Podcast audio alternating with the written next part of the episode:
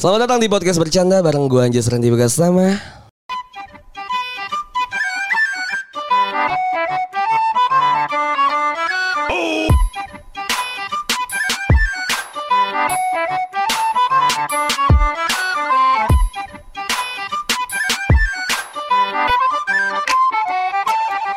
Masih tidak bersama teman gue yang gempal. Tapi gue kedatangan sama teman-teman gue lagi yang actually gue juga eh, merasa kangen karena nggak nggak sering nggak kita jarang ketemu lah ya.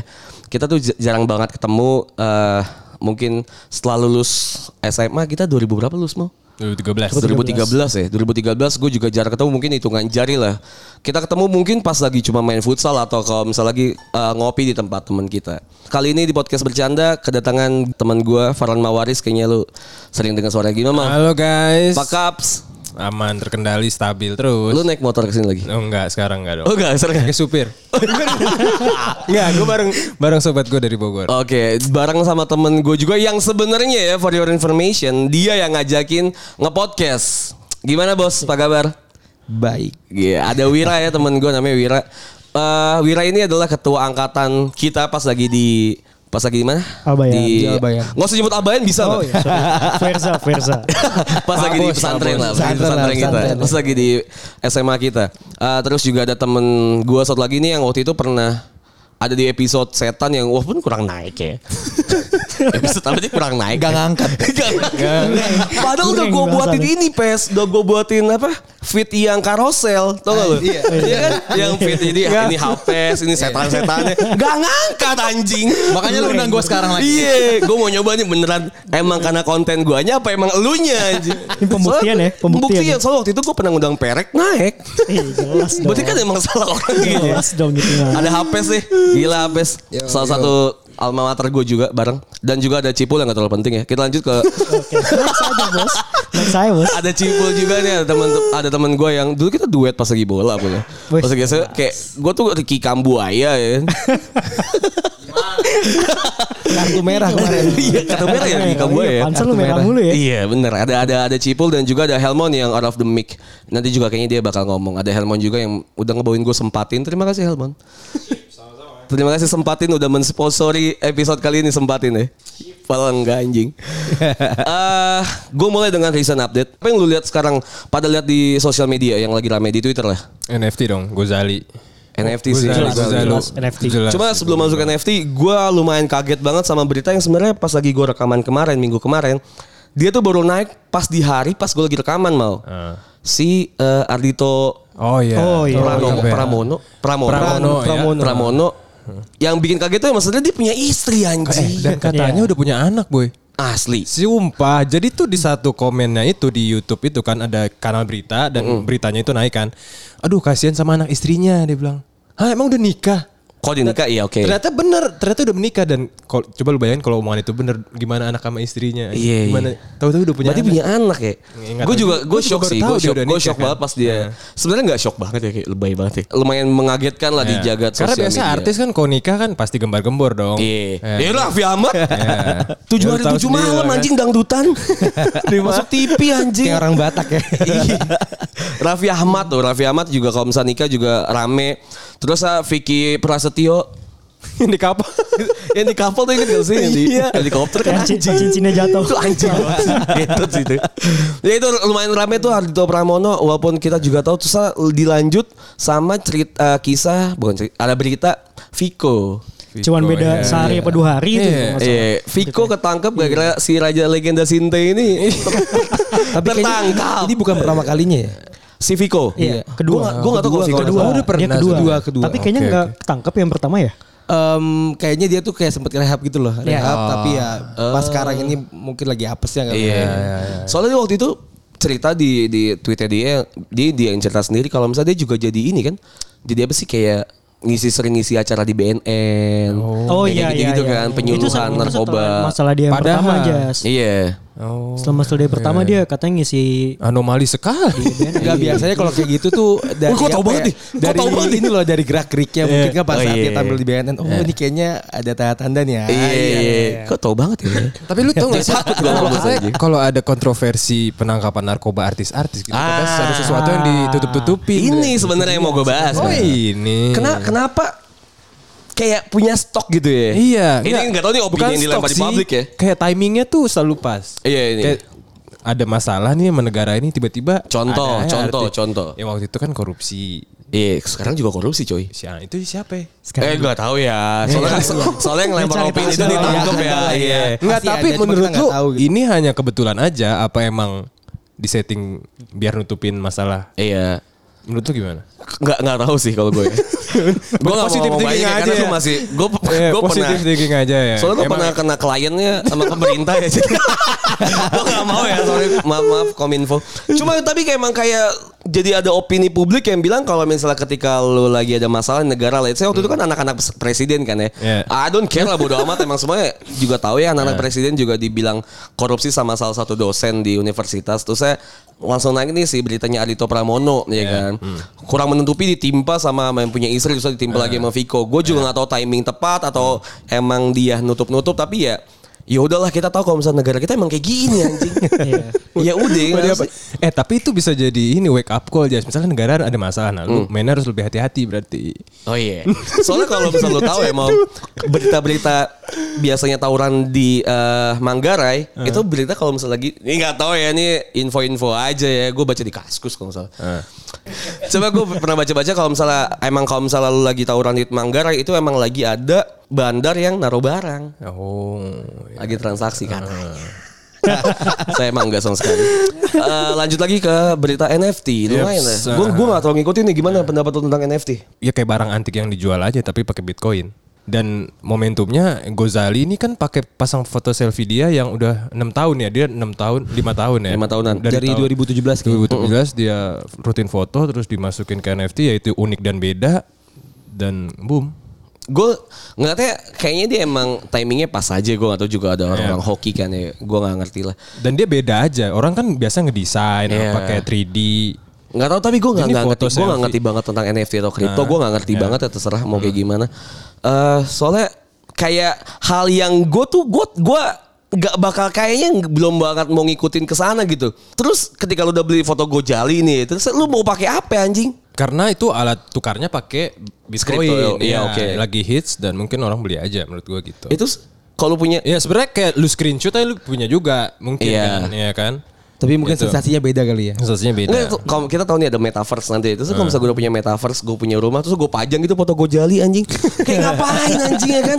Kayak ngapain? Sebenarnya kalau menurut gue sih kayak hype-hype-nya aja Jas. Iya itu Iya, apa? FOMO, ya. seasonal lah, seasonal lah itu. Iya, gue takutnya kayak gitu orang-orang, tapi ya udahlah. Tapi setelah hype-nya Gozali ini memang banyak yang ngikutin jadinya ada yang dia ngupload ini loh apa nasi Iya, uduk. nasi uduk. Ada pap tete, ada pap tete di? NFT. Serius? Nah, itu gue beli. Kalau itu gue beli. Kalau itu gue Iya, beli. maksudnya jadi ekosistemnya tuh jadi rusak gitu. Kan tadinya buat mengapresiasi seniman-seniman yang karyanya nggak terkenal kan, jadi dinaikin terus dijual di NFT pakai Bitcoin. Iya. Tadinya gitu niatnya. Nah ini jadi nasi uduk, Terus kayaknya terlalu tete. terlalu baik yang latah juga sih. Ya. Nah itu masih belum bisa, gue masih nggak ngerti sih ke depannya mau kayak Iya. gimana sih si NFT ini. Tapi ya bersyukurlah si Gojali eh, udah dapat sekian miliar. ya. Belum lagi di re- real life dia diundang ke podcast Dedi. Iya dapat duit macam, banyak ya pasti kan. dapat duit Masalah itu dapat iya. gedenya per hari juga Jas. Iya. Sembilan sehari.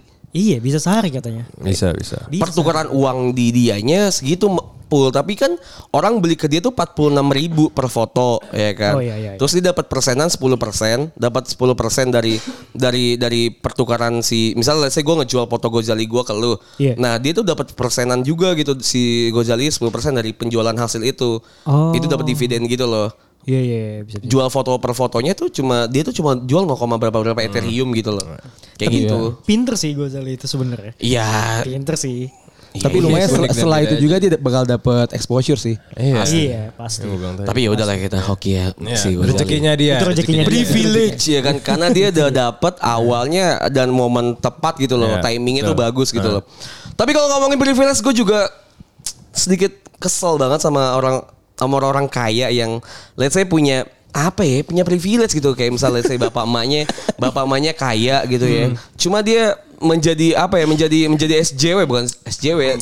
Cuma tentang ngomongin moralis yang sebenarnya tuh nggak make sense buat orang-orang yang UMR itu dua setengah juta, Iya, gajinya empat setengah Iya, juta, yang semua hal tuh nggak bisa masukin karena bapak malu kaya anjing. Iya lu nggak bisa masuk gitu ke hal-hal yang moralis gitu. Nah, gue tuh kayaknya emang mau ngebahasnya tentang masalah privilege karena gue tahu kalau lu semua tuh orang-orang yang berpri- berprivilege. Privilege bahasa Indonesia apa ya? Hak istimewa. Hak istimewa. hak istimewa. Lalu punya satu hak istimewa yang logikanya let's say ketika misalnya orang-orang lain pas dilahirin dia baru naik sepeda, lu semua tuh udah pada naik mobil lah Ya, gitu. nggak start dari nol hidupnya. Gak startnya dari nol gitu. Nah, gue tuh melihat lu semua kan uh, punya hak-hak istimewa tersebut lah dari sekolah kita gitu kan dulu kan dengan mau-mau yang punya privilege inilah, Bos Will punya privilege itu itulah si Hapes, Cipul dan segala macam juga Helmon. Menurut lu pribadi nih ya, kita singgung masalah sedikit tentang si cewek yang masuk ke staf khusus yang anak singkong ini. Siapa aku suka. Kasava. Siapa namanya? Uh, Putri Tanjung, Putri Tanjung. Putri Tanjung kan namanya? Iya. Iya, Putri Tanjung kan anak singkong bener sih. Cete, Iya. cete, cete singkong kan? ya? Brandingnya sih si singkong, anak singkong, anak anaknya singkong, anak singkong, iya. anak singkong. Oh, iya, iya. Bukan si engkong ya. Iya, singkong ya.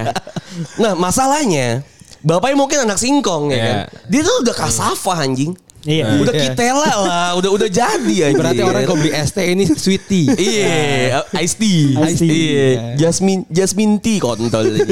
bisa harganya bisa beda Itu lebih gitu. ke ST manis kapitalis ya. Iya. Kayak STMRC dua puluh lima ribu. Iya. gue nggak masalah sebenarnya sama sama sama privilege. Kadang gue juga menikmati privilege yang gue punya gitu. Walaupun gue tidak menggembor-gemborkan kalau misalnya oh ini privilege gue nih dan segala macam. Dan gue tidak mengencourage orang yang gue rasa tidak punya privilege gitu loh. Nah tapi lu melihat peristiwa ini apa kayak dalam hati lu kayak "Hmm, nih orang anjing juga sih. Kenapa dia ngomong-ngomongin masalah hal ini di depan umum yang kita tahu semuanya kalau misalnya dia punya privilege dan segala macam. Ya, kalau gue ngeliat itu gue balikin lagi ke diri gue jas. Gue punya privilege untuk mencerna suatu informasi. Gue tahu itu informasi itu nggak semua orang mencerna dengan baik gitu. Saat dia ngomong kayak gitu, menurut gue ya misal gue mau jadi orang sukses, gue harus dengerin orang sukses dong. Gak mungkin gembel tukang beca, gue tanya apa gimana cara sukses, nggak mungkin. Dong. Gue betul. makanya ketika dia ngomong kayak gitu, ya memang semuanya nggak bisa diterapin dan dibilang all in high risk high return ya nggak bisa. Lu, lu Oh, harus iya, balikin itu. lagi ke hidup lu kayak gimana resikonya gitu. Cuman ya gue nggak masalah sih sama hal itu. Tapi dulu gue mengalami, gue mengamini apa yang lo ngomongin mau ya. Gue tuh pernah bilang dulu bahkan even ke cewek-cewek ke cewek-cewek kayak kesannya banyak ya. Ke cewek gue waktu itu gue pernah bilang kalau misalnya gue tuh nggak pernah mau dengerin orang gue nggak pernah mau dengerin argumen orang yang pendapatannya bahkan di bawah gue Nah, ya itu. gue gue mikir itu. Itu masalah konteksnya adalah tentang masalah bisnis dan segala macam Iya, ya ngapain gue dengerin apa yang dan segala macam gitu. Cuma yang gue permasalahin dari si uh, hal ini dan lu bilang lu bilang kalau misalnya gue nggak mau dengerin pendapat orang yang kayak bla bla bla kayak gini kalau misalnya emang dia nggak punya bukti pasti dan segala macam tapi kan yang gue gua gua bisa underline dan gue bold tuh omongan dia tentang moralis gitu. Ketika lu emang lu punya punya masalah privilege eh ketika lu punya emang hak istimewa dan privilege ngapain lu ngomongin tentang hak istimewa lu dan ngomongin moral gitu? Moralis yang kayak lu harus bangun pagi dan segala macam yang kayak Kerja keras, kerja keras. Iya gitu. fucking shit. Lu lu lu ketika lu misalnya bilang high risk high return ya karena lu ketika lu gagal lu nggak lu punya backup plan banyak anjing. Gua kalau misalnya gua gagal kayak kemarin gua buka WDM good mau modal cuma berapa juta gagal gua sedih anjing. Iya. Iya ketika lu misalnya punya punya emang bapak lu punya saluran TV gitu kan, lu punya punya ya kita bisa ambil contoh lain lah. Ya lu punya modal enggak yang dari dari diri lu sendiri, lu lu punya jalan, lu punya channeling dan segala macem gitu loh. Ya kayaknya emang emang itu privilege lu aja gitu. Kalau menurut gua sih lebih iya sama kayak Mawa mau ya. Jadi kayak balik lagi ke diri masing-masing. Lebih sadar lah bahwa em, apa yang memang didapatkan setiap orang beda-beda ya. Jadi lu nggak bisa menyamakan semua kondisi orang-orang tuh sama gitu loh. Pas saat memang lu melihat orang lain, oh kondisi seperti itu, oh kondisi gue seperti ini. Nah gimana caranya apa yang memang lu yakini, lu percayai itu bisa lu deliver dengan baik ke teman-teman lu gitu loh.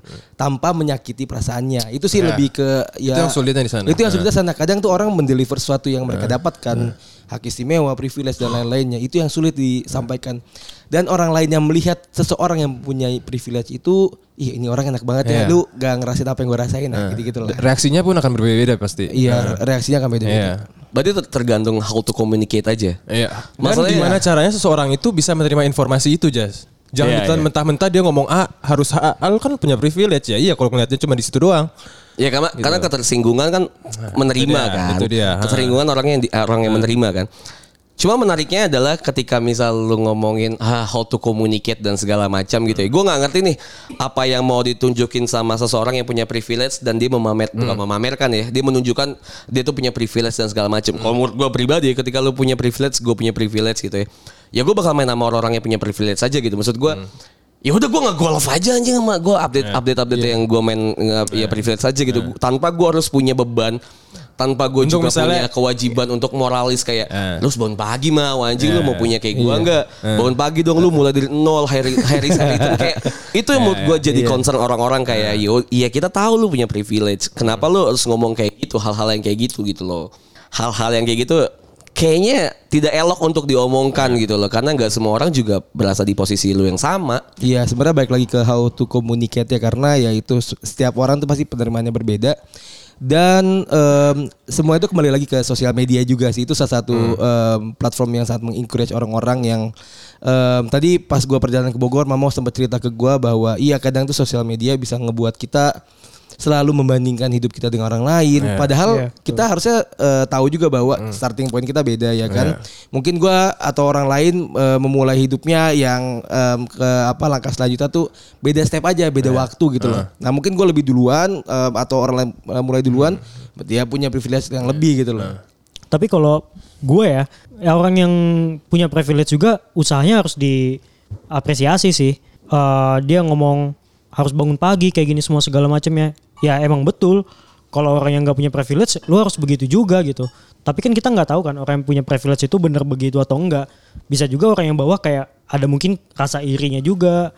Ada yang ya ah lu punya privilege jadi mau ngapain aja ya lu udah ada duit gitu cuman kan orang yang punya privilege juga nggak pengen gitu diomongin kayak gitu lo gue juga kerja keras kali gue juga ketemu orang mulu gue ngobrol gue butuh kepikiran semua segala macam Iya. itu yang harus diapresiasi juga sih menurut gue eh, bisa gue garis bawain berarti apa, apa omongan Cipul ketika emang lu punya privilege ya lu lu juga punya hak untuk ngomong hal-hal yang kayak tadi kan Iya. ya gue Iya. ngerti sih gue ngerti apa yang misalnya let's say kayak let's say Putri Tanjung dan orang-orang sukses lainnya ngomong kalau misalnya ya lu harus bangun pagi dan segala macam itu Iya. juga nggak apa-apa ya emang orang miskin orang yang gak berprivilege juga lu emang harus bangun Emang harus pagi begitu gitu harus kan. kalau lu melakukan mau- hal yang sama gitu iya iya iya kalau mau dapetin sesuatu ya lu harus kerja kerasnya begitu gitu Iya, koreksinya padahal berarti kita ngambil kesimpulan dari figurnya yang ngomong.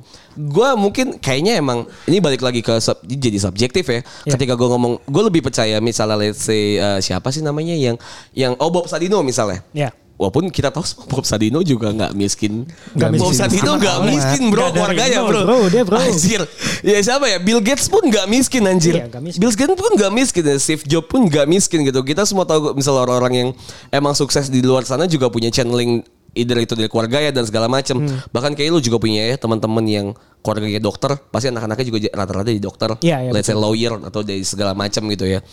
Eh, cuma kayaknya emang balik ke figurnya ya ketika misalnya menurut gue sih emang dibuktikan dengan emang lu kelihatan kerja keras dan segala macamnya gitu. Hmm. Misalnya kita punya figur siapa ya yang kita yang kita tahu kalau misalnya dia emang kerja keras let's say A lah. Misalnya let's say gua nih. oh gue ada figurnya sih Siapa siapa? lu kalau tahu juragan 99 tuh Ah, dia, gua dia pernah cerita sih Kayak- ya. kayaknya kalau- ya, oke. kalau itu gue nggak tahu ya tapi ya cuman dia pernah cerita kalau dia jualan online itu mulai bener-bener nol tapi itu yang gue tangkapnya oh ya udah kalau emang dia mulai dari Iya. nol ya bagus Jadi sih. walaupun Helmon udah kelap kelip ya kalau ngomongin juragan 9 99 ya mana. ya misalnya gue ambil satu figur yang non fiktif lah ya, Iya, iya. yang fiktif lah sorry. Misalnya let's say gue nih gitu kan, dimulai dari nol gitu. Misal dulu bapak gue mulung gitu, ya Allah amit amit. Misal, misal bapak, ya, bapak gue dulu miskin lah misalnya gitu kan, keluarga gue lahir miskin gitu kan ya. Mereka tidak punya, mereka tidak punya eh, tidak punya gua gitu sebagai orang yang fiktif tadi tidak punya kemampuan lebih atau tidak punya kesempatan lebih untuk uh, let's say bangun pagi dan segala macam gitu kan ya. Gue percaya sama namanya, gue nggak percaya sama namanya bakat ya. Sorry gue nggak percaya sama namanya bakat, gue percaya sama namanya kerja keras. Gue Iya. nggak gue nggak percaya sama namanya bakat ketika lu emang emang lu emang lu mau di situ lu kerja keras itu lu dapetin itu gitu. Misalnya gue tuh pengen jadi atlet tapi keluarga gue tidak mensupport itu gitu karena bapak gue dan ibu gue tuh tidak tidak mendukung gue untuk gue menjadi atlet gitu. Gue tidak disekolahkan eh, bola gitu atau tidak Sekolah olahraga dan segala macam. Ya ke depannya gue tuh juga kayaknya nggak mampu untuk dapat situ karena gue startnya nggak earlier gitu loh ya kan? Ketika gue tidak start earlier gue merasa itu gue tidak punya privilege kan? Akhirnya gue tidak gue melepaskan cita-cita gue dan gue tidak menjadi atlet gitu. Yang di ujungnya gue merasa kayak ah, fuck lah anjing orang-orang yang punya privilege. Ngerasa kayak dia bilang iya kalau lu mau jadi atlet lu harus latihan lebih keras dan segala macam. Tapi kan backstorynya lu emang dibangun dari keluarga yang mumpuni yang nge- nge-support lu dan segala macam Nah beda ceritanya sama misal let's say kayak keluarga kayak gue nih kayak tadi gue si fiktif gue tadi dan gue tidak di support sama keluarga gue tapi gue main bola misal dari kos kaki dan segala macam yang ujung-ujungnya jago gitu. Terus dibuktikan dengan media juga ngangkat gue hal-hal yang tersebut dan segala macam. Ketika gue ngomong itu, lu merasa tercurahkan gak sih? Misal lu ngerti karena media tuh ya sebenarnya apa pun semuanya yang ada di sosial media pun juga merasa lebih dekat dan lebih nusuk ketika itu relate dengan lu kan? Karena lu lebih dekat kan? Kayak oh iya dekat dan segala macam nih. Oh iya gue juga mungkin gue dulu pernah main bola di kos kaki dan segala macam nggak kayak misal tiba-tiba ada orang kita tahu nih bapaknya emaknya kaya gitu udah punya kekuatan. Tiba-tiba dia muncul terus lu ngomongin masalah iya lu kerja keras dan segala macam segala macam karena nggak relate sama bapak lu gue dulu nggak sama bapak gue nggak melakukan itu gitu loh ke gue hal-hal kayak gitu sih menurut gue menjadi segala sesuatu itu menjadi perbincangan gitu di sosial media Tapi emang satu sisi sih gue pikir dari figurnya ya. Gak usah sok ganteng ngomongnya Eh, anjing. Emang gue ganteng. Tapi kalau gue sih. Gak usah sok ganteng lu. Anjing. ya itu dari figurnya dulu pertama. Figur. Ya. Jadi di mana dia, siapa dia, terus siapa belakangnya dia gitu. Nah itu memang kedukung dia. Soalnya diberat-beratin gitu di Iya, suara gue berat. Anjing lu pes. lanjut lanjut. Ya terus tapi yang kedua gue setuju sama Wira tadi. Nah ini suara lu. Masalah yang how to commu- communicate ya. Jadi kita memang harus bisa menyampaikan sesuatu di tempat yang tepat dengan cara yang tepat gitu. Itu memang pentingnya juga belajar ilmu bahasa, ilmu komunikasi. Gue pikir uh, ilmu-ilmu dasar kayak gitu ya supaya kita Iya. bisa menyampaikan dengan benar gitu. Yang selama ini gue lihat di kita khususnya di orang-orang figur ya di Indonesia gitu, dia punya masalah di bagaimana dia menyampaikan sesuatu. Jadi gampangnya komunikasi publiknya. Sehingga Iya. komunikasi publiknya itu nggak bagus gitu. Akhirnya menggiring opini juga yang dampaknya nggak bagus. Nah, gitu. ini permasalahannya di orang yang mungkin menurut gue Pes, ya kalau ngomongin mass eh, mass communication kan berarti kan ngomongin eh, gimana cara ngomongnya ke dunia luar dan ke banyak orang gitu. Mungkin menurut gue mereka punya teori dan punya basic ya sih menurut gue ya. Gak tahu kenapa kayaknya orang-orang yang menerimanya aja sih audiensnya aja kayaknya yang ya emang doyannya tuh nyinjir gitu. Kayak misalnya Ya. apa yang lu bilang tadi gue ngerti nih. Kayaknya emang orang yang punya privilege how to communicate ketika misalnya informasi yang disampaikan dengan cara yang salah, walaupun informasinya benar dengan cara yang salah pasti ujung-ujungnya salah. kan? Salah juga. Walaupun informasinya salah disampaikan pakai cara yang benar, jadi benar kan apa yang di- dimaksudkan bukan benar sih, negatif dan positif lah. Ya. Nah, menurut gue sih gimana si audiensnya sih? Permasalahannya kayaknya di audiens ya, karena men gue gue udah bikin konten tuh tiga tahun nih, ya kan? Gue konten gue positif, Gak ada yang suka anjing Fucking shit anjing Isi daging nih Gak ada yang suka pes Ketika gue ngomong Konten gue nyinyir Konten gue tentang masalah seks Semuanya To be honest ya. To be honest gue tuh Gede anjing Engagementnya Too good to be true. Iya maksud gue kita kan nyari nyari sesuatu kan dari engagement ya. Yeah. Let's uh, let's say bad engagement still engagement lah, Yeah. ya kan. Walaupun lu ngomong apa pun juga tetap engagement. Tapi kalau misal gue boleh jujur, emang emang audiensnya sih pes. Emang audiensnya bukan caranya how to communicate. How to communicate emang menjadi matriks yang penting. Tapi menurut gue Gak cuman itu. Gak cuma itu, karena kita nggak bisa ngendalin si audiens itu menerima apa yang kita omongin ke dia tuh kayak gimana. Soalnya emang fix sih. Ini kan dua arah ya. Ketika satu Iya. arahnya udah bener, si satu arahnya kagak. Jadi ambrol coy. Ya artinya memang aspek komunikasinya ya. Dalam arti kalau komunikasi kan gak satu orang. Gak satu arah ya. Dia memang dua arah. Dua arah. Si pendengar itu juga menerima informasi. Artinya si pendengar juga harus pintar atau Harus bijak Ya ya harus bijak lah. Berarti saat dia langsung ngomong netizen bego dong, Pes. Enggak dong. Oh enggak, enggak. enak ya. Mungkin kalau menurut gue ya, framingnya enak ya. Lebih bijak, ini bijak. implisit ya. Kalau menurut gue sih tergantung dari misalkan lu Jas ya. Ya lu ngebentuk pas awal-awalnya kayak gimana nih orang-orangnya. Kalau emang lu awalnya ngomongnya tentang seks atau kayak gimana-gimana Oh, ya. enggak, enggak. Itu itu itu matrix jauh lagi sih, Pes. Eh, Iya, iya. ya, Pul. Tapi kalau menurut gua emang emang gimana cara lu nge-create dan segala macam ya kan. Iya. Bener. Tapi kalau misalnya gue yang gue bilang tadi, contohnya mungkin jangan gua gitu. Siapa pun lah ketika dia ngomongin hal yang benar tapi ketika emang audiens yang nggak menerima menerima hal-hal itu dengan ya tadi banyak matriks yang kayak ah nih orang kan kayak gini, kok nih orang kayak gini, kenapa jadi bla bla bla? Kayak gitu emang bukan cara kita yang salah tapi emang emang audiensnya aja yang udah judge dari awal gitu loh. Kalau misalnya apa yang diomongin pasti bakal gini atau emang audiensnya aja PS eh pool Iya bisa jadi gua. tadi Bisa kata. Anjas juga how to communicate, uh, how to communicate, tapi juga kita tuh kadang kan Indonesia ini kita masih sering subjektif ya. Kita selalu Betul. melihat figur. Misal tadi Anjas bilang, iya kita uh, misalnya dari para pejabat atau orang-orang yang punya privilege, mereka pasti belajar lah namanya komunikasi publik, how to communicate um, in a good way ya. Mereka pasti belajar lah. Tapi pasti orang-orang kita tuh selalu memberikan pembenaran dan melihat uh, sosok yang dituju. Kalau misalnya dia orangnya baik atau good looking atau yang ya good looking ya, pokoknya yang seperti itulah. Pasti orang tuh akan memberikan pemakluman. Oh iya kayaknya nggak apa-apa juga. Tapi kalau misalnya orangnya itu adalah seseorang yang gak dia suka, seperti yang tadi Ajas bilang, ah kayaknya enggak lah gitu-gitu. Subjektif maksudnya. Subjektif. Subjektif banget anjing. Subjektif Bahkan sampai masalah hukum kayak siapa namanya? Si Ardito. Ardito, ya. Bukan Ardito deh, kayak dulu kan ada tuh satu artis yang Jeffrey Nicole. Jeffrey Nicole, Ya, ya. kan saya kayak kayak Itu semangat ya itu. bang, iya, semangat kan anjing ya. Maksud gua Makanya ganteng on. Iya, bangsat, bangsat. Makanya kayaknya ya yang paling penting sebenarnya bukan ke psikolog atau ke mana ke RH anjing. Kayak bener-bener kalau misal lu Kalau emang mau bikin lu, salah lu ganteng dulu. lu ke RH deh, mendingan jangan ke psikolog jangan ke lawyer. ya ini KMS Glow. yang, yang lebih, yang lebih kacaunya si yang lek nggak kenapa-napa kena loh. Kena loh. Lu tatoan kapan kapan kenanya? Kapan Iya anjing. Yang, yang, yang lek tinggal nunggu waktu kan kasihan yang lek ya. Sama Uus. masalah salah. Nggak Uus. Yang lek kan Iya. kasihan yang tato-tatoan gitu kan anjing ya. Tapi menariknya karena gue tadi udah ngasih tau di awal kalau lu semua tuh punya privilege nih. Lu gimana caranya meng, quote unquote mengontrol privilege lu dan orang biar orang tuh juga ngira lu ah lu nggak cuma privilege doang. Boleh dimulai dari gua? Ah iya. Eh, jadi gini, gua kebetulan saat Sorry ini bos gue potong. Biar lo tau juga nih, bos Wir nih untuk yang nggak tahu bos Wir ini, gue punya satu kata yang bikin lu bilang, oh ini bos Wir punya privilege. Bos Wir ini di rumahnya punya kolam renang, dah itu aja.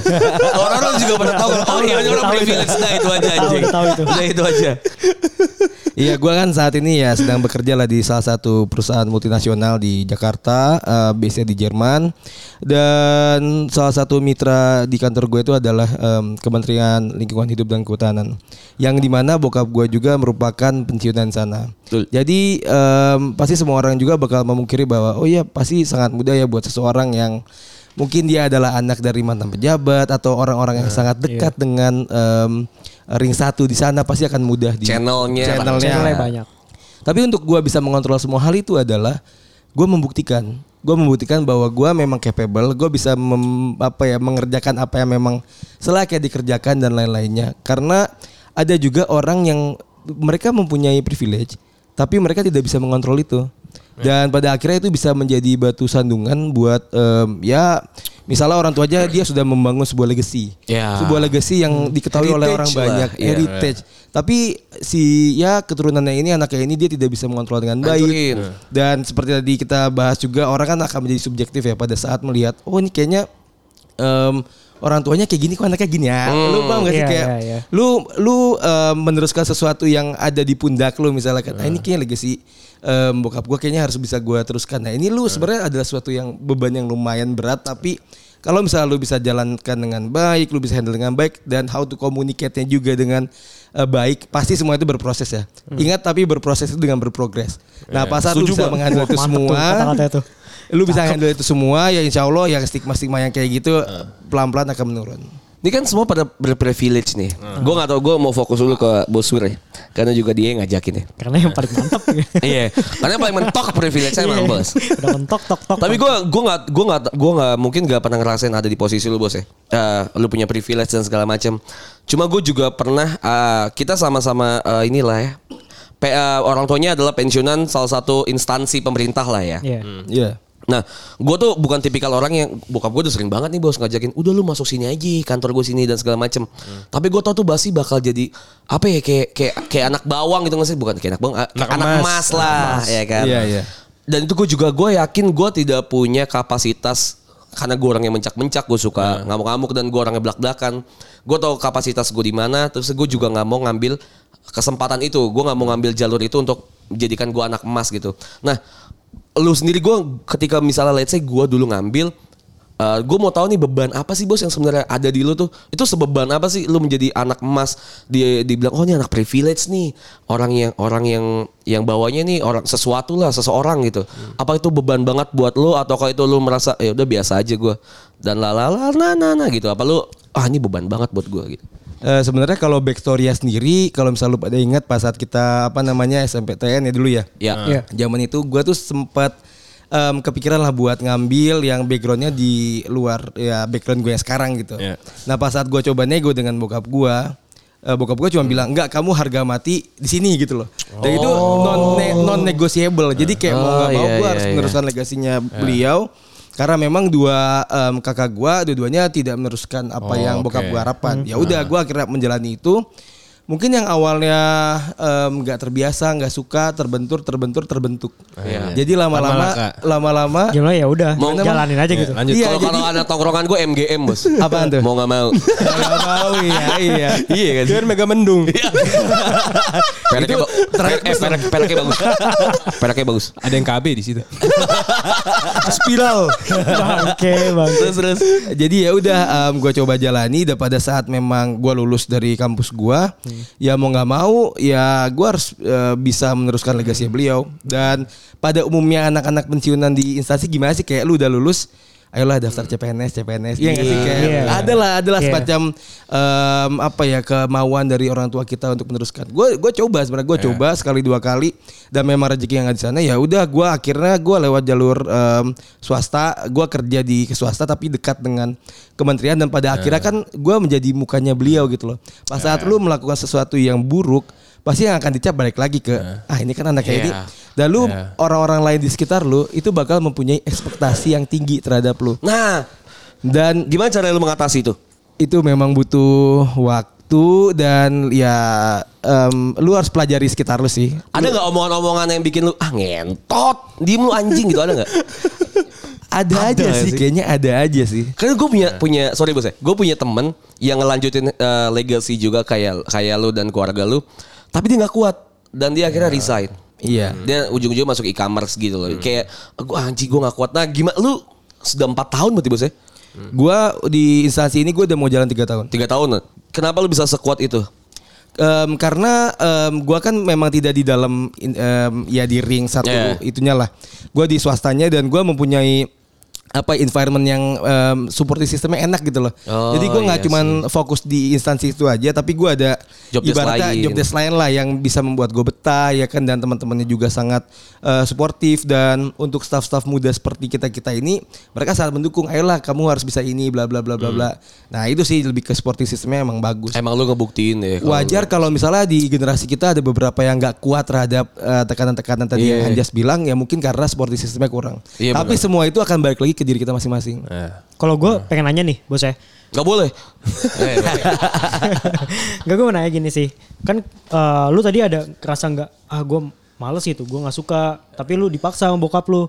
Nah lu ngebangun ya udahlah, gue jalanin aja atau emang paksaan terus ya udahlah gue nggak ada pilihan lain gitu apa gimana? Gue bahkan dulu tuh pada saat semester berapa ya, gue tuh malah sempat kepikiran pengen pindah loh. Karena memang gue ngerasa ini kayak bukan gue banget lah. Dan Apalagi kalau misalnya diinget-inget pas zaman kita boarding school dulu, gue tuh lumayan di biologi. Ya. Dan, Oh, iya. Aduh, Kayaknya kayaknya, kita semua sih. kayaknya kita semua ya. Kayaknya kita semua ya. Kalau kalau dari segi nilai, iya. Karena guru kita cuma, ayo nonton apa nonton apa anjing. Kickboxing patah kaki. Kickboxing patah hati sama battleship. Anjing, anjing. Tiba-tiba ulangan bagus ya. Padahal lu gak tahu kan film Floem apa bedain Nggak caranya. tahu. Gak tahu anjing. Tetep gue aja bagus anjing. Bangsat, ngerokok bae garpit anjing. anjing. Terus. Apa yang mana tadi? Apa biologi lu? Oh, sampai iya biologi. Pak Kris. Iya, ya pada akhirnya em, gua balik lagi, gua nanya lagi em, ke bokap gua karena gini lah, em, pasti setiap anak yang mempunyai privilege itu, em, misalnya nanya ke orang tuanya nih, em, ayah ibu, misalnya apa sih yang bisa kita berikan kepada mereka supaya mereka tuh bahagia? Itu nanya kayak- gini bos. Hah? Lu nanya gini. Enggak, biasanya umum-umum Oh, umumnya. umumnya anak-anak yang kadang-kadang tuh mempunyai privilege pasti Iya. mereka ada semacam eagerness buat nanya seperti itu. Nah, bokap gue pernah dalam satu titik, eh, bokap gue ngomong kayak gini, em, ayah tuh nggak butuh apa-apa dari kamu. Kamu nggak nggak perlu memikirkan apa pun tentang ayah. Ayah cuma ayah cuma pengen kamu ikutin aja jalur yang ayah pengen. Jadi ya ya lu lu, lu, paham, lu, gitu lu sih. paham gak sih kayak gue dalam satu titik gue pengen ngejar apa yang gue yakini ini adalah masa Iya. depan gue. Tapi dalam satu sisi Orang orang, tua tua lu- gue pengennya gue seperti ini. Nah, Iya, jadi iya. bahasan bisa lagi lebar ya karena rezeki kita tuh dari tergantung doa orang tua ya. Jadi gini, Iya. jadi gini, Goks setiap, sih. setiap orang yang kita pikir berprivilege kayak kayak bos, pasti ada aja yang nggak privilege-nya gitu kayak dia nggak bisa nyet, nggak bisa menentukan jalan Iya, hidupnya bisa. sendiri. Itu kan nggak berprivilege. Oh gitu. iya ngerti iya gua. kan? Maksudnya kayak- ada ada happy-nya ada Enggak, enggaknya. setiap orang akan berjuang Iya. dengan cara masing-masing. Iya, itu. iya. Pada akhirnya sih begitu. Iya. Pada Cuman akhirnya. orang tuh ngeliat hasil akhir. Ya ini enggak? di Iya. sini Iya. padahal, Padahal lu nggak tahu capeknya Padahal setiap orang pasti berjuang nyet Iya. Bisa jadi Putri Tanjung nggak mau jadi staff khusus kan? Iya. Bisa jadi mau jadi. jadi e-commerce, mau jadi topet, bisa aja kan? Karena dia udah kelihatan di ujungnya dia Iya, sukses. sebetulnya mau kan jadi. JNE kan, jadi kurir kan gak ada yang tahu. Eh, tapi Putri Tanjung itu emang nggak nggak ngikutin bapaknya loh. Iya iya, mem. Siapa yang bilang ngikutin? Siapa yang bilang ngikutin? Iya maksudnya dia dia keluar dari batas nyamannya dia, apa perusahaan sendiri kan? Ya kita gak usah bahas Putri Tanjung, kita Iya, nggak iya, nggak kenal-kenal amat ya. Iya betul sih. Ya maksud gue bener kata Mamol tadi mungkin aja emang sebenarnya struggle kita tuh beda-beda ya. Misalnya Iya. kayak let's say Buswir kan juga punya punya keinginan sendiri terhadap biologinya dia walaupun dia gak tahu stream flow itu apa ya. Tapi dia juga punya sebenarnya aku pengennya di sini lah, gue Iya. pengennya di situ gitu kan. Let's say mungkin Putri Tanjung juga pengennya jadi kurir JNE, kita juga nggak tahu kan. Enggak juga. Kita juga nggak tahu. lagi. mungkin Nggak emang emang ada ada legasi kan. Sebenarnya karena kalau gue melihat orang-orang yang punya privilege ya dalam artian keluarganya keluarga cendana lah ya, Iya. quote unquote keluarga cendana tuh pasti punya uh, heritage yang harus dia ngikutin dan rigid gitu loh yang nggak bisa sama sekali. Gue punya temen yang kalau sama keluarganya tuh bener-bener harus yang adatnya tuh Jawa banget gitu yang kayak ngomong tuh harus yang pakai Jawa alus yang di keluarga tuh nggak boleh makan tuh nggak boleh kena piring ya sendoknya yang kayak segala macam yang Iya. sebenarnya kan kita kan kalau di keluarga gue aja kok makan gue di kamar gitu yang bodo amat mau bugil mau apa Ya gitu sama, kan gua juga bodo yang amat. dia tuh harus makan di meja makan dan segala macam gitu mungkin emang kesusahan mereka tuh mungkin ada di situ gitu kita Iya. nggak tahu prosesnya dan segala macam ya gue setuju sih Toto Kromo itu. Iya, misalnya kayak Toto Kromo gitu bos, bener-bener Hmm. yang makan tuh nggak boleh kena piring, Eh, apa sih? Nggak kena meja. Iya, Jadi tangan tangannya kayak ngambang ngangkat gitu ya nggak iya.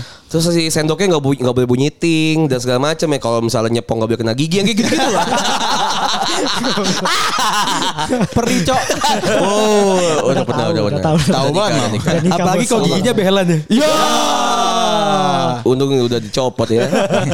eh berarti kalau kan kalau tadi bos Wira mungkin bisa dalam arti dia dipak bukan dipaksa diarahkan gitu. Iya. Nah kalau misalkan yang nggak diarahkan dibebaskan untuk milih gitu, itu juga adalah privilege atau bukan? privilege lah. Itu privilege. Soalnya kalau dikasih ya sama orang tuanya, lu mau apa mau bisnis, ya udah nih, lu kembangin bisnis lu, gue kasih duit segini semua segala macam ya udah lu kembangin gitu. Walaupun setelahnya cuman dikasih modal doang ya, ya lu itu privilege buat lu lah. Sebenarnya kalau gua- gimana? nggak dimodalin sama sekali gitu, misalnya kayak "Ya udah lu bebas milih aja deh terserah lu gitu. Itu pri- privilege. Menurut, menurut gue Menurut gue gini loh. Kebatas ini sih mau sorry ya. Kebatas privilege tuh kebatas sama masalah eh, uang gitu materi. Sebenarnya kan Nggak kita hanya juga di iya, uang, makanya orang tuh eh, sebatas mikir tuh privilege tuh lu sebatas Di situ. orang yang punya uang, Padahal materi dan segala macam. Padahal kan enggak gitu. Gue juga gue tuh pribadi punya privilege sebagai orang yang keluarga gue tuh tidak menuntut gue untuk menjadi siapa pun gitu. Menurut gue pribadi itu privilege itu.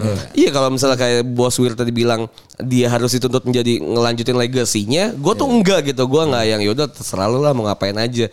Kita tuh kadang kurang bersyukur aja sih masalah sama yang Iya, kita betul. hidup dan segala macam gitu kan ya. Eh, kayak lu pada naik ke sini pada naik mobil tuh privilege lu gitu. Tapi kadang nggak bersyukur karena mungkin menjadi habit sih. Si sesuatu yang privilege tuh menjadi habit kayak lu menganggap itu biasa aja gitu loh. Jadi kayak ya ya udah lah emang ini biasa aja kalau emang Dan nggak gitu privilege ya biasanya selalu. sesuatu yang kelihatan. Kalau kayak pilihan itu kan nggak kayak kalau bermobil, Iya. status, status, status. Jadi kelihatan fisik, oh iya Iya. punya privilege dan segala macam. Padahal gua kan enggak semua itu. kalau ke- kemerdekaan kita memilih jalan hidup kita tuh suatu privilege kok menurut gua. Nah, Iya, Tapi ada bebannya juga gak sih? Kalau menurut gua sih ada. ada bebannya. Iya, tanggung jawab sih, beban. Tanggung Tanggung jawab. Tanggung jawabnya berat. Apa pilihan lu apa ketika lu dapat kebebasan itu? Apa yang mau lu lakuin gitu loh. Semua berhubungan sama hak dan tanggung jawab ya. Lu berhak ngapain aja, tapi lu juga punya tanggung jawab untuk tidak melakukan semua hal gitu loh. Ya. Ya jadi kayaknya semua tuh berhubungan dengan hak dan tanggung jawab. Jadi kayak ya udah lu bebas sih lu ngelakuin apa pun, lu berhak buat ngelakuin apa pun, tapi lu tanggung jawab apa yang lu ambil. Lu tanggung jawab untuk tidak mengambil semua hal dan segala macam sih. Jadi emang ada batas-batasan norma juga sih. Eh, tapi ya gimana ya maksud gue orang-orang yang merasa lu lu merasa lu punya privilege gak sih mal? Gue merasa punya. Apa yang lu lu bisa rasakan lu punya pri- privilege dan orang lain tidak gitu? Gue kebebasan untuk ya kayak gue kontradiktif sama si bos tadi. Kenapa? Bos harus diarahin harus ke mana? Ya gue terserah gue. Dan itu gue syukuri. Gue maksimalin kalau bisa. eh, ya gue cari uang dari sana. Misal gue gue privilege kayak orang tua mana ada sih orang tua yang mau anaknya misalnya main game kayak gue gitu. Iya. Ya tapi gue buktiin gue bisa dapet duit dari sana gitu. Main game. Nah kayak gitu gue bertanggung jawab ya kayak gitu aja. Lu, lu punya privilege gak pada? Ada gue. Gue kayak mau lah pokoknya Lu punya privilege jadi jelek lah ya? Ah. oh, iya gak apa-apa kamu jelek gitu. Tapi kalau lu pada ngeliat kan dari dulu kayak gue milih milih jalur yang Eh, beda lah. beda Iya, sendiri beda kan. lah. karena memang dari orang tua gue juga terserah lu, apa yang lu suka lu ambil gitu. Jadi kan waktu milih kuliah aja gue nyimpang sejauh itu gitu. Iya, benar. Membuat guru-guru kita itu kayak Ngapain pes? gue kalbain Iya. pertama kali ditanyain anjir lu mau jadi apa? Iya. Anjing gue bilang. Padahal kan lu satu fakultas sama gue kan? Harusnya, harusnya harusnya. harusnya gue ngambil yang sastra. Iya, lu malah ngambil yang FIB. Ya, nah karena gue gue bilang gue cuman suka di situ gitu. Udah habis itu akhirnya gue belakangan kepikiran juga kan, oh iya mau jadi apa nih, gimana ngebuktiin. Akhirnya bebannya tuh di situ. Kalau mungkin Wira, bos Wira bebannya adalah gimana menjadi orang yang capable gitu ya di, di, di bawah legasi uh, orang tuanya gitu. Kalau gue tuh gimana caranya gue ngebuktiin kalau gue juga bisa berhasil dari situ. Pilihan yang gua ambil tuh tepat gitu waktu ya. itu, nah ya dari itu tuh prosesnya panjang juga gitu Iya, sampai sekarang. Berdarah sih. Lu punya pul privilege? Punya sih gue. Gue karena gue kuliah gue hancur ya. Iya, kan kelihatan. bingung. Sampai sekarang ya. iya, eh, lulus juga. lulus Iya, ya. iya. Akhirnya lulus lah. udah wisuda, udah wisuda. Udah, Cuman, udah. Cuman kan bingung gitu. Gue mau gawe apaan? Nilai gue begini, kuliah gue begini gitu kan. Akhirnya gue bingung. Ya akhirnya sebelum gue lulus kuliah, gue masih nyusun skripsi gitu. Gue minta bisnis sih sama nyokap gue. Mah dia pengen bisnis. Gue Oke. gue udah uh, belajarin kayak gini-gini semua segala macamnya. Boleh nggak ada mungkin apa alhamdulillah gitu ada tawaran juga gitu. Mau nggak bisnis waktu itu uh, laundry, mau nggak bisnis laundry lanjutin kayak gini-gini. Oh ya udah nih mah, gue juga sebelumnya udah pernah ngomong mah bisnis laundry tuh mantep loh gini. Oke. Oke gitu. Ya udah lanjutin aja. Wah pas lagi ada tawaran itu, mah dede mau, boleh nggak? Ya udah boleh deh buat belajar semua segala macamnya. Tapi beratnya itu tanggung jawabnya itu yang buat Tapi lu pakai beli ganja ya duitnya. Sabu, sabu. Enggak, enggak. Cibol baik, cibol baik. kagak bang. Cibol baik. ya. buat main bola ya. Buat- buat main sepatu. bola. Akhirnya sepatu. akhirnya jalan tapi bisnisnya sekarang gua. Alhamdulillah udah dua tahunan sih. Alhamdulillah. Alhamdulillah. Kita sebagai Berarti orang privilege dalam apa ya bisa menentukan jalan hidup lah Iya itu bisa pekerjaan. Tapi ya. Sebenarnya privilege itu bukan cuma Oh dukungan dukungan dari orang tua ya. dukungan mungkin. juga. Ya, tapi ya, privilege privilege-nya itu di situ ya. banyak sih sebenarnya nggak cuma dalam hal pekerjaan ya. Kita kan dari tadi Ya, nyinggungnya iya. ke pekerjaan doang. Ya. Kayak misalkan sekolah juga, lu Pasti. iya Iya. dalam materi lu alhamdulillah ada. Terus lu sekolah lu dikasih yang bagus Hmm. sama orang tua lu diarahkan yang bagus gitu. Karena sekolah itu membentuk jalan pikir kita juga kan. Betul. Pikir kita setuju, kayak gimana, semua segala macamnya. Oh berarti gue bejat gara-gara Albayan ya? Kata aja sebut merek. Oh iya benar. Albina berarti. Iya, dari, dari kayak gitu sih lu bisa masuk sekolah kita tadi yang lu sebut itu aja. Eh, Udah- Semandak. Iya, itu. Iya, iya. Lu Cepeng, cepeng. Cepeng. Cepeng golan. Kalau kalau gue sering ngobrol juga sih sama teman-teman gue yang ya eh, kurang lah ininya Apanya? dalam materi. Oh. Akhirnya sekolah yang Oke, kurang kan bagus. bisa gitu anggota anggota badan gitu. Anjing, gue gak begitu bang. Iya maksud gue Dakdok, dakdok. Iya maksud gue Eh, kurang kurang kurang apa? garam gitu kan, kurang Kurang asin. anggota badan. Cuman ya pada akhirnya kelihatan gitu jalan pikir mereka cu- kayak cuman oh ya pas lagi gawainya gitu gue cuman gaji 5 juta udah gede banget apa Iya, segala- iya, Kalau kita iya. kan 5 juta itu mungkin hal minim banget Iya, gitu. betul. loh. Iya iya. Kayak ya gue harus dapat 10 juta ke atas, 20 juta ke Iya. atas kayak gitu-gitu. Karena ada privi- karena privilege itu kalau ada pembandingnya. Jadi Iya. privilege itu menurut gitu ya ada pembandingnya. ada pembandingnya pasti. Menariknya karena ngomongin perbandingan deh. Dulu kan kita tuh ada di lingkungan yang kayaknya nih ya semua tuh sama gitu loh. Lu punya privilege yang sama dalam dalam quote unquote adalah materi. Iya. Nah, gue tuh baru baru tersadar ketika misalnya gue tuh masuk ke PTN yang ternyata lingkungannya tuh seheterogen itu gitu loh. Yang kayak gue mungkin dulu nggak nggak sadar ketika misalnya lu pada bilang waktu itu dulu misalnya jaket angkatan gitu misal harganya eh, let's say 200 ribu gitu. Terus lu pada bilang ini kemahalan nih karena kita harus ngeliat dan segala macam dan segala macamnya Iya. gitu kan. Itu gue baru tersadar ke hal-hal yang sebenarnya kayak gitu karena dulu gue tuh ada di lingkungan yang ya dua ribu tuh untuk gue dan teman-teman gue. Biasa aja. Gue tau tuh harga standar yang di situ kita bisa beli semua. Gitu. Kayak bisa ngeluarin lah segitu. Iya kan maksud gue tuh kayak gitu. Nah kita baru tersadar sama hal-hal yang kayak gitu terdewasakan sama masalah. Oh iya gue ngerti nih ternyata ini privilege gue. Ternyata privilege mereka tuh dan lain halnya. Lu baru tersadarkan tuh kayak gitu tuh hal-halnya itu kapan sih? Kayak bahkan masalah eh, tentang eh, pendidikan bahkan even pendidikan tuh juga privilege menurut gue ya. Kayak eh, orang tua dan segala macam gitu ya. Gue tuh sangat bahagia banget ketika gue gue kan sukanya mabok-mabokan ya malam-malam gitu ya. Misalnya gitu dulu. Nah teman-teman teman-teman gue, nah ini ada ada Batak juga. ya. Teman-temannya ketawa. Ya, soalnya, soalnya si anjing ini ngajakin gue tiap malam ya. Nah tapi ada ada aja orang kayak misalnya gue sama Batak misalnya, let's say mabuk nih dulu. Gue sama Batak mungkin gak ditelepon sama orang tua gue. Menurut menurut gue tuh privilege untuk gue dan sosial gue gitu, keuntungan gue untuk teman-teman gue. Tapi ada aja teman kita yang ditelepon tiap malam untuk kayak gimana Ditanyain. nanyain ya kan. Menurut gue tuh privilege, mungkin menurut dia juga privilege karena orang tuanya juga peduli. Hal-hal kayak gitu tuh yang mendewasakan gue untuk tahu. Oh ternyata tuh hak istimewa itu tuh nggak semuanya tuh ter eh, nggak semua orang tuh punya gitu dan nggak semua orang tuh sama. Nah lu terdewasakan dengan hal-hal apa sih biasanya? Kalau gue pas kuliah itu sih, gue kuliah gue karena gue banyak masalah di kuliah, awalnya gue nggak mikir hidup ya, kayak gue cuma leha-leha doang, seneng-seneng doang. Pas kuliah gue berantakan ya, akhirnya di situ gue mikir semuanya, semua hal itu.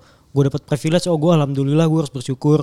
Akhirnya gue nyokap lu nggak marah-marah segimana? SKS lu gimana sih gitu? Iya, nggak iya, bener kan? bener. Nyokap gue sama bokap gue nggak gitu. Ya itu privilege gue gitu, nggak nggak marah sampai segitunya malah Iya. kayak ngebangun. Ayo dong deh, masa kayak gini, masa kamu nggak bisa sih dapat kayak gini? Kamu kan ya ada gitu otaknya nggak nggak bego-bego amat gitu. Iya. Masalahnya, masa orang tuh yang ngomong, kamu tuh gak bego-bego amat. Ada ngakunya ya. Diakuin dulu. Berarti bego, tapi gak amat ya. gue pengen, gue pengen ngomong, Dia belum bener sendiri ngomongnya. Gak, gue pengen ngomong gue pinter, cuman kan gak enak gitu kan. Iya, iya. Karena bukti gak ada. Iya. Karena kan buktinya ya gitu. Anjing lu yes.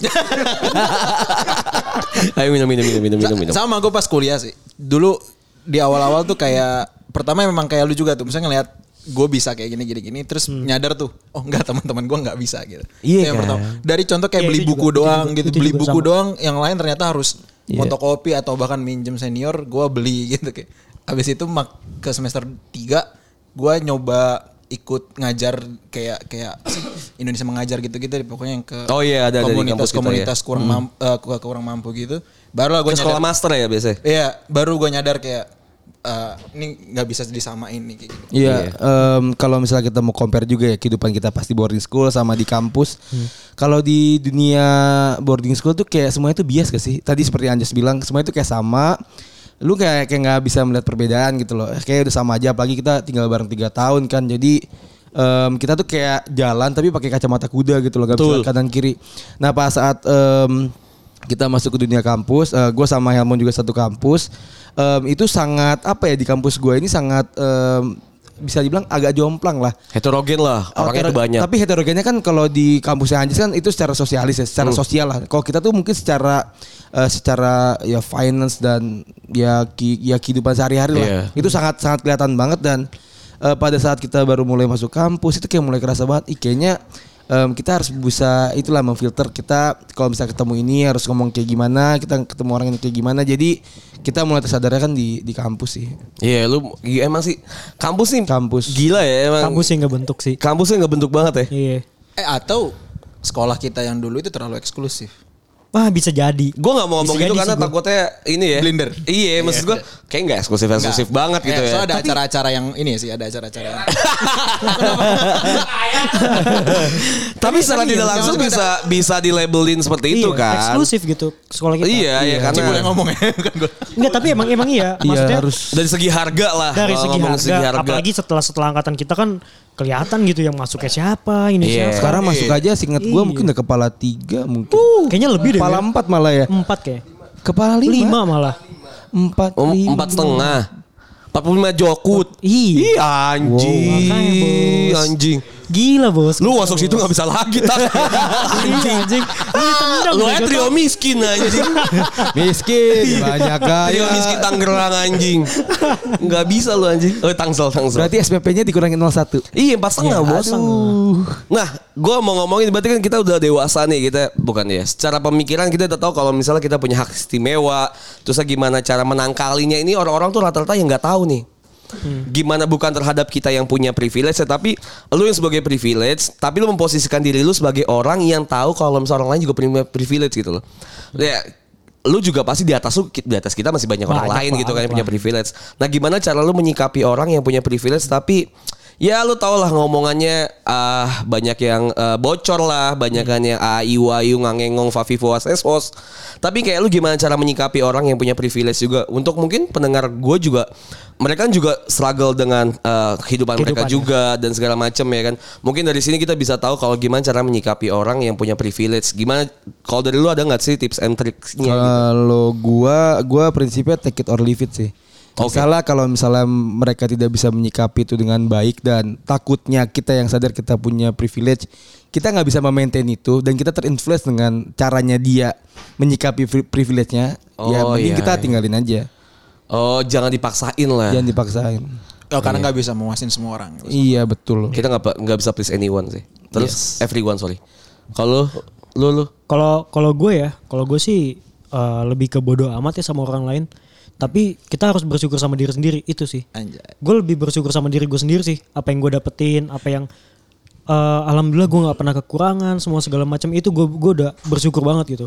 Sorry nggak ya gue potong. Tapi terkadang tuh yang maksud gue yang gimana cara menanggapinya itu karena orang-orang privilege tuh kadang pada bajingan ya, pada kurang ajar ya. Iya iya. Maksud gue gue juga ngerti. Songongnya gini sih Jas. Misalkan orang yang Islam Islam banget gitu ya, yang udah soleh banget gitu. Aduh gue udah doa semua segala macamnya, tapi orang yang mabuk-mabukan semua segala macamnya duitnya Kok liatin gue lu? oh iya. kan gue ngomong dua arah malu Oh, iya, iya, benar, benar. iya kayak gitu. Iya kayak- iya. Iya, kayak Bahkan bahkan kalau ngomongin yang dekat dengan pendengar gue, bahkan kalau ketika lu punya privilege yang bisa lu manfaatin yang gue males gini kayak misal kita lagi di bar gitu. Seseorang ini tuh yang kayak kenal gitu sama anak orang barnya, kenal sama security dan segala macamnya. Dia tuh seakan-akan semena-mena gitu merasa kayak oh gue Oh, iya. punya, Punya power. istimewa Punya di sini power. gitu kan. Nah, maksud gue tuh yang kayak kayak hal-hal kecil kayak gitu aja tuh privilege tuh bisa disalahgunakan gitu loh. Nah, gimana caranya menanggapi mungkin kalau kata bos Wir adalah take it or leave it, gue setuju karena so far apa yang gue lakukan adalah ketika lo punya privilege ya udah, gue tuh kata ampu gue tuh ya udahlah gitu. Ya udah, ya udahlah, ya udah sih gitu. Gue tuh biasa kayak gitu. Tapi kan kadang kita nggak bisa meredam ego kita ya, amarah dan ego kita kan anjing ya. Kadang kita nggak bisa kita redam. Apa gue tuh kadang suka kesel gitu kalau ketika gue kesel sama seseorang terus gue redam emosi gue pas di detik itu pas gue pulang. Kadang tuh gue kesel sendiri anjing kenapa nggak gue pukul sih waktu itu? Nah, kadang itu gue tuh kayak gitu. Itu lu doang berarti. Iya kadang tuh gue Kadang gue tuh kayak gitu kan. Ah, Anjing. Kenapa gak gue pukul aja pas itu gitu kan? Apalagi pas lagi Kita tuh kan lemah kalau misalnya naik. apa yang kita percaya tuh direndahkan gitu ya. Iya, iya. Ya itu tuh kadang hal-hal yang kayak gitu tuh orang-orang yang punya privilege mungkin merasa semena-mena di di di hadapan orang-orang yang ya nggak punya Iya. privilege gitu loh.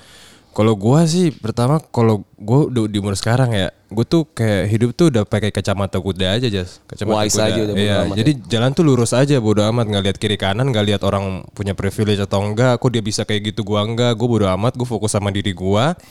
Asal yang orang-orang yang berprivilege ini tidak mengusik hidup gua, tidak mengganggu karir gua, tidak mengganggu keluarga gua. Nah, kalau diusik Nah kalau se- selama ini belum pernah sih Ah, iya. untungnya karena gue menerapkan prinsip hidup gue itu karena gue percaya kalau gue aman-aman aja gue lurus-lurus aja insya Allah nggak ada yang ngeganggu gue gitu kalau ada yang ngeganggu sih pasti gue ngambil tindakan juga pastinya dong nggak mungkin diem aja lah Pukul dong. ya ya Karena bungkus. apalagi kayak misalnya berada di anak emas yang kayak Bus Wir tadi, gue takutnya ada hal-hal yang nyentil kita kayak anak privilege lebih privilege lagi kayak nyentil gitu kan hal-hal yang bisa ngeganggu karir, Iya, ngeganggu hal-hal itu kayak gue tuh nggak nggak mau banget yang berurusan sama hal-hal gitu tapi kita nggak bisa ngontrol orang lain gitu loh. Gue tuh gue nggak tahu ya mungkin orang-orang juga pada concernnya ke masalah hal-hal kayak gini tuh bisa nggak sih diredam dan segala macam gitu. Takutnya gue privilege-nya emang jadi bahasan kalau misalnya dari diri kita sendiri wise, tapi kan orang lain belum tentu gitu loh. Iya, tapi kalau kalau menurut gue sih bener kata mau lu harus belajar pertama bersyukur sih. Bersyukur Ya. tuh paling penting sih sebenarnya. Jadi lu kalau lu udah bersyukur ya lu bisa tutup mata sama orang lain ya lu fokus sama target lu. Target lu apa ya lu itu lu kejar. Jangan ke mana-mana gitu. Jangan Ya, jangan mikirin orang jangan punya mikirin orang privilege lain. ya. Iya lu ya orang lain dapat apa ya itu rezekinya dia nggak Ya, usah lu pikirin gitu. Oh, betul. Malah gue lihat privilege tuh ya orang-orang tuh jadi definisinya tuh negatif itu kayak jadi belenggu penghambat dia untuk Nah, berkembang itu. ngerti? Oke. Itu sih betul. Privilege Ya, ya. ya, kayak kita lihat deh yang kita Maksudnya dalam hal bersaingan. Enggak, berkembang aja, berkembang aja. Misalnya ya kayak Putih Tayung tadi, dia ngomong A. Kayak orang tuh ah anjing lu kan punya privilege. Terus yang ngomong dia punya privilege, dia nggak ngapa-ngapain ya cuma Iya, komen di iya, Twitter. Dengan menghalalkan sambil gua- bugil ya kan Iya di kan? kamar ya Sambil kan. open BO, laku lagi gua. Rokok juga signatur loh, rokok juga signatur hitam aja. Iya, gue menyayangkan aja orang kok jadi pakai kata privilege nih kesannya tuh dia nggak mau berkembang karena ngeliat lain orang lain punya privilege gitu. dijadiin loh. alasan Gua menya- ya. Iya, jadi alasan. Gue ngeliatnya konotasinya Pembenar jadi ah elah lu aja udah kaya gitu Iya ya. gitu loh. Jadi dia nggak berkembang di situ-situ aja. Fix mindsetnya fix udah itu. Oh dia Ah, privilege. ya dia enggak. salah dalam nyikapin. Iya itu dia ya. Nah, gimana cara berarti menyikapinya adalah kita tahu kalau orang berprivilege ya udahlah ya gitu ya. Tidak kita tidak usah tahu kayak ya udahlah privilege dia emang privilege dia, privilege gue ini gitu Ya ya. betul. Dan menurut gua di dalam kita mencerna informasi juga itu menurut lu privilege gak sih? Oh iya dong. Iya pasti si yang tadi deh kita pakai contoh kasus tadi yang Putri Tanjung aja orang tuh mencernanya beda-beda kan. Betul betul. Karena gue ngelihatnya eh, positif aja memang dia ada hasilnya gitu kelihatan. Tapi orang ada ada juga yang ribut gitu. Oh. Menurut gue menyikapi positif itu menurut gue privilege mencerna suatu infor- informasi ya. Hmm. Oh iya, iya. Le- lebih ke lu bisa bersosialisasi dengan baik dan benar tanpa harus menyinggung orang tuh jadi privilege. Misalnya deh kayak eh, kripto nih yang lagi hits kan. Iya. Jadi ada suatu satu youtuber dia bilang all in aja ke Bitcoin misalnya. Ya kalau gue ngelihatnya Ya duit gue udah gue bagi-bagi nih Gue punya duit 100 Ya itu 10% gue taruh mana Ya, All in Iya. tuh uang untuk lu investasi Bukan uang seluruh uang lu di all in gitu Tapi orang nyernanya beda. Iya Orang cernanya all in ke depo ke Iya. depo buat judi atau apa itu kan maksudnya ya bukan seluruh uang lu gitu Iya. kayak Tapi emang berarti mau ya kejahatan tuh dimulai dari orang bego. emang Eh, tapi kejahatan emang iya, emang emang, iya. emang kejahatan dimulai- gitu. Kan dari, dari Islam gitu ya Bes ya? Enggak tahu Ini sih. ustad kita ya. Kan bukan Islam. Oh enggak ya? Tapi emang kan kalau dilihat-lihat kayak Dari Katolik gitu tapi kan?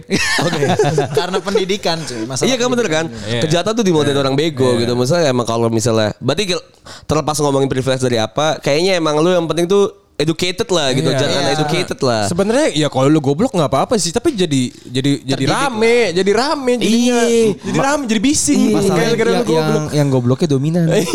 nah, ketika yang gobloknya dominan itu bahaya itu dia, jadi- Karena orang-orang yang merasa educate mikirnya kayak yuk ah ngentot ya udahlah gitu. Terus yang yang kita karena kita mikirnya ya udahlah. Iya, ka- nah orang-orang bego ini tuh Malah berspora iya. gitu, sporadis jadi kayak banyak. Menjamur, menjamur. Iya anjing kayak ya udahlah. Kebanyakan ya emang orang yang educated kalau ngerti ya udah diem nggak komentar. Iya. Ini jadi merebaknya orang tolol jadinya. Berarti kalau secara langsung orang-orang Twitter tolol berarti mau ya. Enggak juga, nggak juga. Tapi tapi nanti orang-orang yang yang tadi gitu malah ngaku juga lu punya privilege bisa sekolah lu. Iya. Karena nggak akan ada habisnya. Diputer-puter nggak akan habis. Kan makanya educate dulu anjing. Karena mindset dia fix. Lu berprivilege gua enggak. Udah dia nggak mau maju udah gitu Udah. aja. Tuh Iya. tak denger anjing. Kartu asnya cuma di privilege aja dia bilang. Iya iya iya iya. iya. Ada ada kata-kata terakhir buat orang-orang yang nggak punya privilege nih. Mampus lo kontol. Gue ada deh. Kasih tahu. Kasih Will. bos. Buat orang yang nggak punya privilege, privilege itu bisa dibuat. Oh, Dengan cara benar. apa? Lu punya jejaring, lu punya rekan-rekan yang yang informatif misalnya. Nah pada saat itu sudah lu upayakan em, di sekitar lu tuh adalah orang-orang yang baik yang bisa memberikan informasi seputar dunia kerja, bisnis atau apa pun itu, ya itu ada privilege juga. Ya, itu pilihan hidupnya dia. Itu pilihan hidupnya Eh, dia. Nah lu pas saat, pas ya? saat lu memang dari lahir nggak punya privilege, lu jangan nyerah gitu aja gitu lah. Lu coba buat meng-create itu sebisa mungkin. Lo enak punya privilege bisa ngomong gitu. Diputer lagi. Diputer lagi. Kan ngentot ya? Ini orang gobloknya ini ternyata orang gobloknya ini anjing. Ngomongin ngentot. Tadi kita kok mau muter-muter. Lu enak punya podcast punya privilege tai. Goblok. Emang anjing ya. Ya udahlah itu aja podcast sejarah ya. Gua Anjas pamit. Mewakili semua teman-teman juga pamit. Thank Bye. you, Thank you. Oh, thank you, thank you, bye bye.